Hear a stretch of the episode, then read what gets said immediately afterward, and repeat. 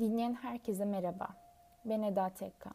Beni okullar açık ve pandemi daha baş göstermemiş, her şey güzel ve normalken Bağır Radyo'da sunduğum iki şekerli programından tanıyor olabilirsiniz. Beni ilk defa da dinliyor olabilirsiniz. Fakat bu podcast'i şu an dinliyorsanız sizin bir şekilde dikkatinizi çekebilmişimdir. Biz insanlar dünyada olan biteni bir şeylere bağlamayı severiz. Her şeyin bir nedeninin olduğunu ya da arkasında yatan gizli bir plan olduğunu düşünmeyi tercih ederiz. Bazıları yaşadıklarımızın kader olduğunu söyler ve onlara razı gelir. Bazıları kadere inanmaz fakat yürüdükleri yolda tökezleyeceklerini bilirler. Bazıları ise günümüze denk gelen pandemi gibi büyük olayları yaşamımıza sebep olan birini arar. İnsanlar bu birinin Tanrı olduğunu, bazıları ise dünyadaki gizli ve güç sahibi bir takım insanların olduğunu düşünür. Ben bu podcastimde koronavirüs üzerine kurulu komplo teorilerine değineceğim. Peki komplo teorisi aslında nedir? Bunun bilincinde miyiz? Komplo dilimize Fransızcadan geçmiştir ve küçük entrika anlamına gelir. Türk Dil Kurumu'nda aratırsak karşımıza komplo teorisinin bir kimse, kuruluş veya ülkeye karşı gizlice zarar verici tuzak kurulduğu varsayımına dayanan düşüncelerin tüm olduğu tanımı çıkar. Komplo ile komplo teorisi birbirinden farklı şeylerdir. Komplo, bir kişiyi ya da bir topluluğu hedef alan zarar verici ve gizli yürütülen iş ya da planlara denir. Komplo teorisi ise bir durumu veya olayı mantık sınırları içinde açıklamak yerine ispatlanmış herhangi bir delil ile gerçekliği kanıtlanmamış, çok yüksek ihtimallerle de hiçbir zaman kanıtlanmayacak iddialara başvurarak açıklamaktır. Dolayısıyla somut gerçeklerle sınanmaz her çürütülme girişiminde bulunduğunda buna kalkışan insanın komplonun bir parçası olduğu söylenir. Bu nedenle komplo teorileri kapalı kutu gibidir. Bu teorileri ortaya koyan kişiyi ya da savunanı inandıklarının doğru olmadığına ikna etmek zordur diyebiliriz. Zira komplocu mantık döngüsüne göre bir olay komplo gibi gözüküyorsa komplodur. Ama komplo gibi gözükmüyorsa kesinlikle komplodur. Baştan komplo teorisi denilen bir iddia son kertede doğru çıkabilir. Komplo teorileri üzerine araştırma yapan akademisyenlerden Michael Barkun'a göre bir komplo teorisi içerik olarak üç önerme içerir. 1. Hiçbir şey tesadüf değildir. 2. Hiçbir şey göründüğü gibi değildir. 3. Her şey birbirine bağlıdır. Komplo teorileri yeni bir şey değildir. Hatta insanlığın varoluşundan beri kendilerine tarihte yer vermişlerdir. Tarihin her döneminde dünyanın herhangi bir yerinde görülebilir. Ancak günümüzde internet ve sosyal medyanın yardımıyla çok çabuk yayılabiliyor. Ve her olası yanlış bilgi veya teori size kadar ulaşabiliyor olması son zamanlarda daha çok dikkatimizi çeken bir konu olmasını sağlamıştır. Günümüzde her gün mutlaka bahsettiğimiz, haberlerine maruz kaldığımız bu koronavirüs hakkında bildiklerimiz aslında hiç de göründüğü gibi olmayabilir mi? Birçok konuda olduğu gibi koronavirüs içinde komplo teorileri ortaya çıktı. Korona pandemisinde dünyada vaka sayısı artmaya devam ederken salgınla ilgili yanlış bilgilendirmeler de aynı şekilde artıyor. Pandeminin başlangıç dönemlerinden bu yana maske kullanımı ile ilgili uzmanların ve etkilerini birbiriyle uyuşmayan ve kafa karışıklığı yaratan yorumları oldu.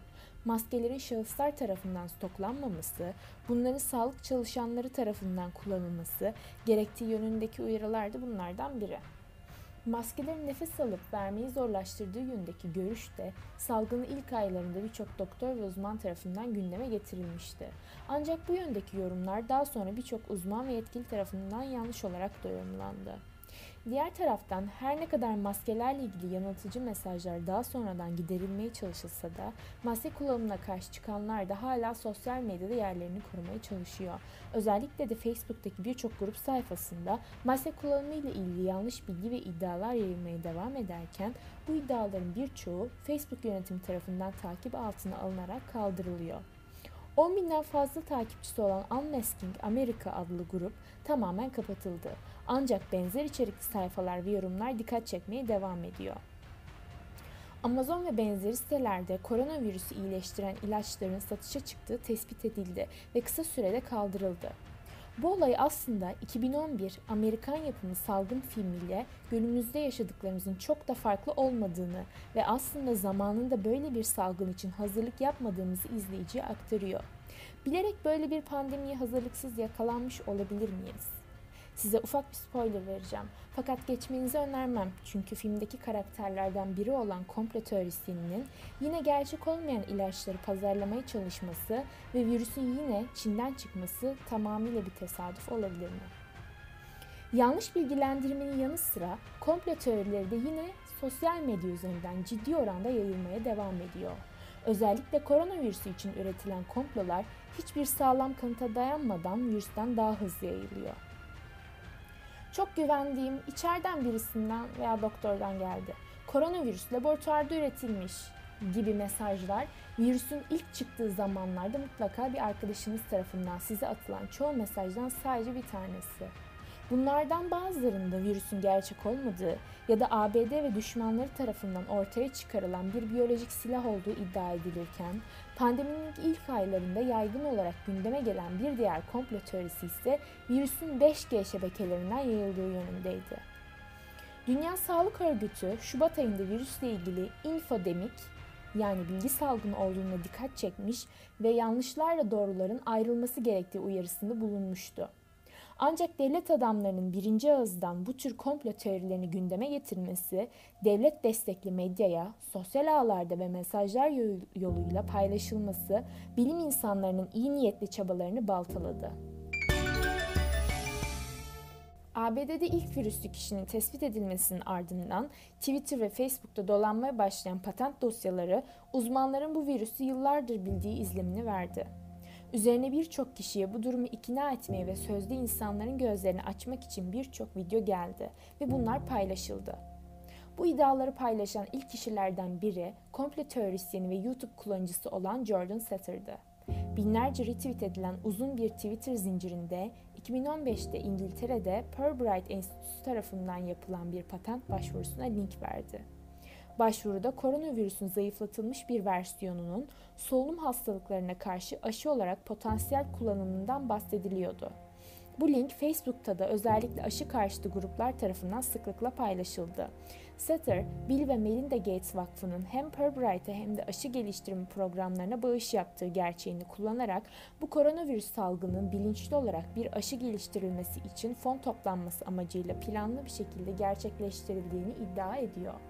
Bir tweetinde Gates Vakfı yıllar boyunca aşı programlarına ne kadar para verdi? Bu salgın planlı mıydı? Medya kullanılarak korku mu salınıyor? dedi. Fakat Purbright'in patenti yeni koronavirüs için değildi. Bu patent kuşlar tarafından taşınan ve yalnızca kanatlıları etkileyen bir bronşit virüsü içindi.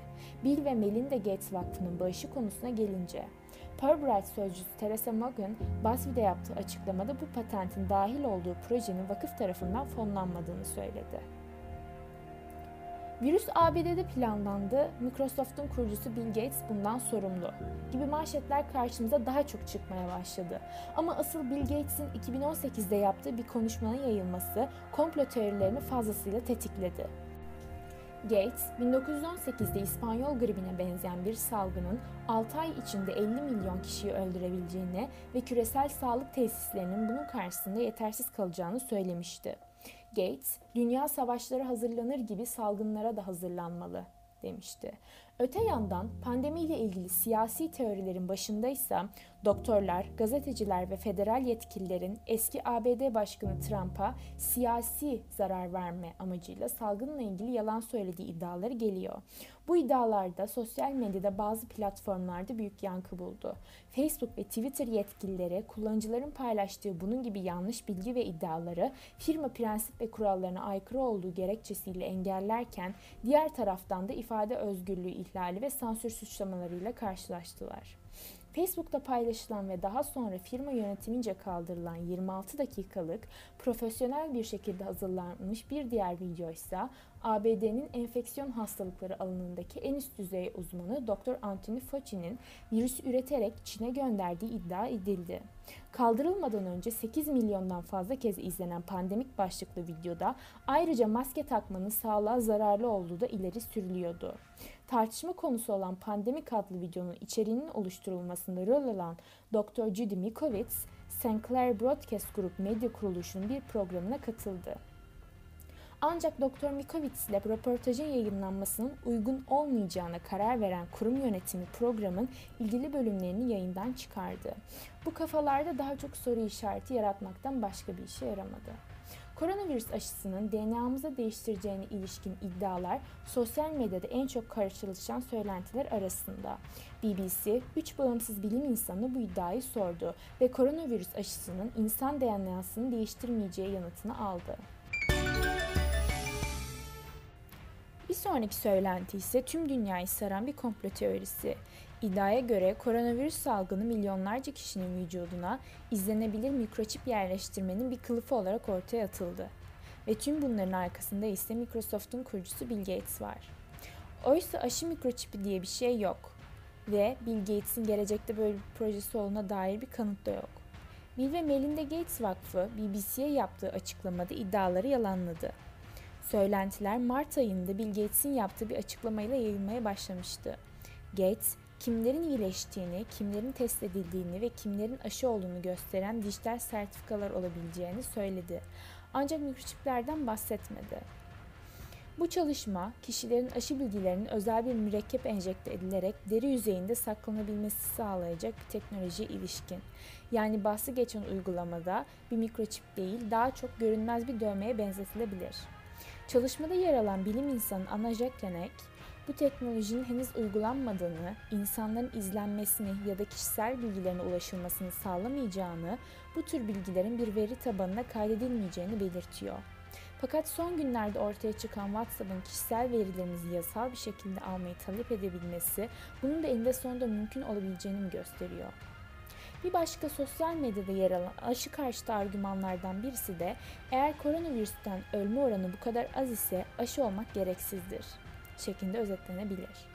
Aşı olmaya karşı insanlar tarafından paylaşılan bir görselde COVID-19 hastalığında iyileşme oranının %99,97 olduğu söylenerek koronavirüs kapsamında aşı olmaktan daha güvenli bir seçenek olduğu ileri sürülüyor. Öncelikle bu görsellerde yer alan iyileşme oranı yani virüs kaparak iyileşenlerin oranı doğru değil.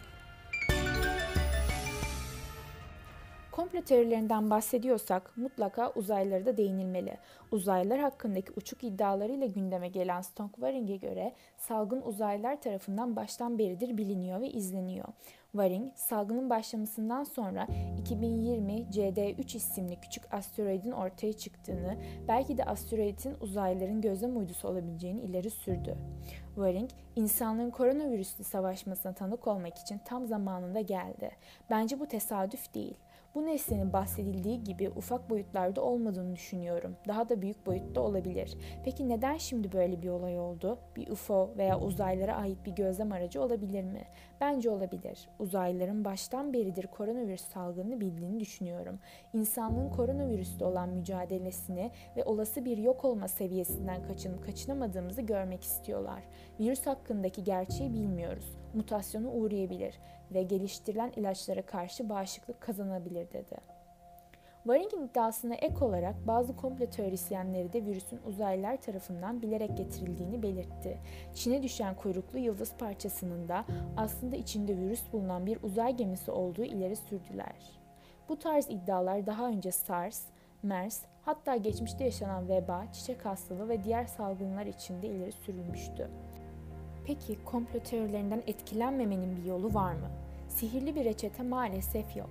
Ama yine de yapılabilecekler var. Öncelikle eleştirel düşünmeye ve bu konuda yararlanabileceğimiz araçlara mümkün olduğunca kendimizi aşina kılmalıyız.